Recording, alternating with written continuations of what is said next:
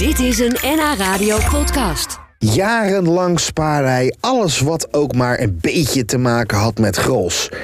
En nu, nu wil hij er juist vanaf.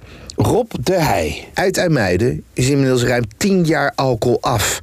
En omdat de verzameling toch een beetje op hem afkomt, hoopt hij voor zijn collectie een nieuwe spaarder te vinden. Zo, nou, afgesproken met eh, Roy.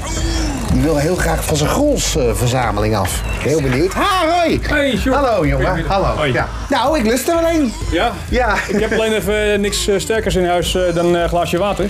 Of een colaatje. Maar eh, Wacht even, je spaart grols, toch? ja, ik spaar de gruls. Ik ben eh, alcoholvrij. Sinds 11 jaar. Ook de reden waarom ik gestopt ben met mijn grolscollectie. Oerend kwamen ze door aangeschud. Ik heb geen bier meer in huis. Helemaal niks meer. Geen alcohol meer. Eh, Wacht even, je wil van je verzameling af omdat het... een probleem en een last geworden is voor mij. Ik eh, zoek daar eh, een beetje hulp bij. Nou, Dus dat is ik, toch hartstikke goed dan? Vandaar ik jou eh, Ja, hulp, ja, ja, nee, natuurlijk. Geen enkel probleem. Nou, nu begrijp ik het in. Kan ik verder lopen naar binnen toe? Je mag, eh, Oeh, halleluja zeg, hé. Ja, kan je nog zitten, zou ik bijna zeggen.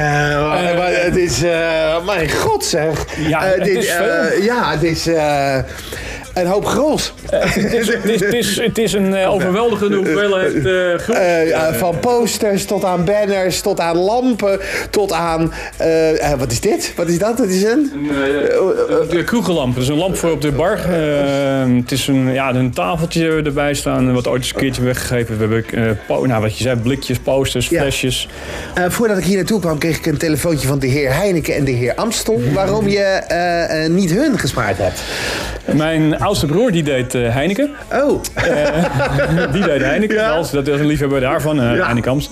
Voor mij was Gruls eigenlijk het, het biermerk van mijn jeugd. Omdat ik met vrienden optrok. Met zundapjes en van die, eh, je kent die buikschrijvers wel, die brommers. Ja, ja, ja. Nou, en dat was eh, met, naar, eh, van die feesten van Normaal, daar waar we naartoe gingen. Nou, bij Normaal komt uit de Achterhoek. Daar drink je uiteraard Gruls. juist.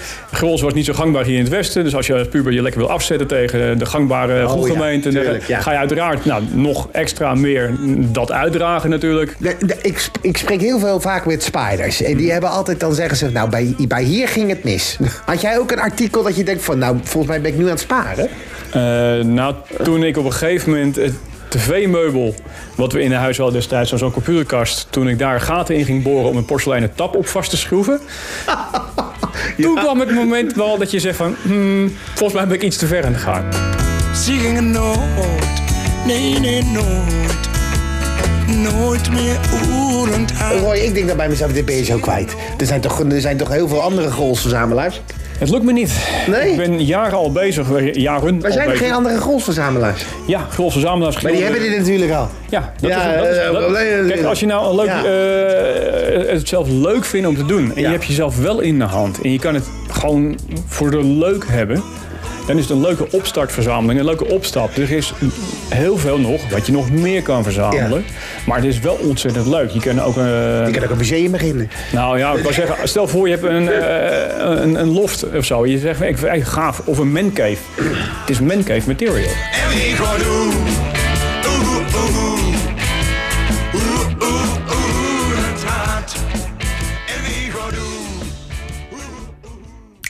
Dit was een NH Radio podcast. Voor meer, ga naar nhradio.nl.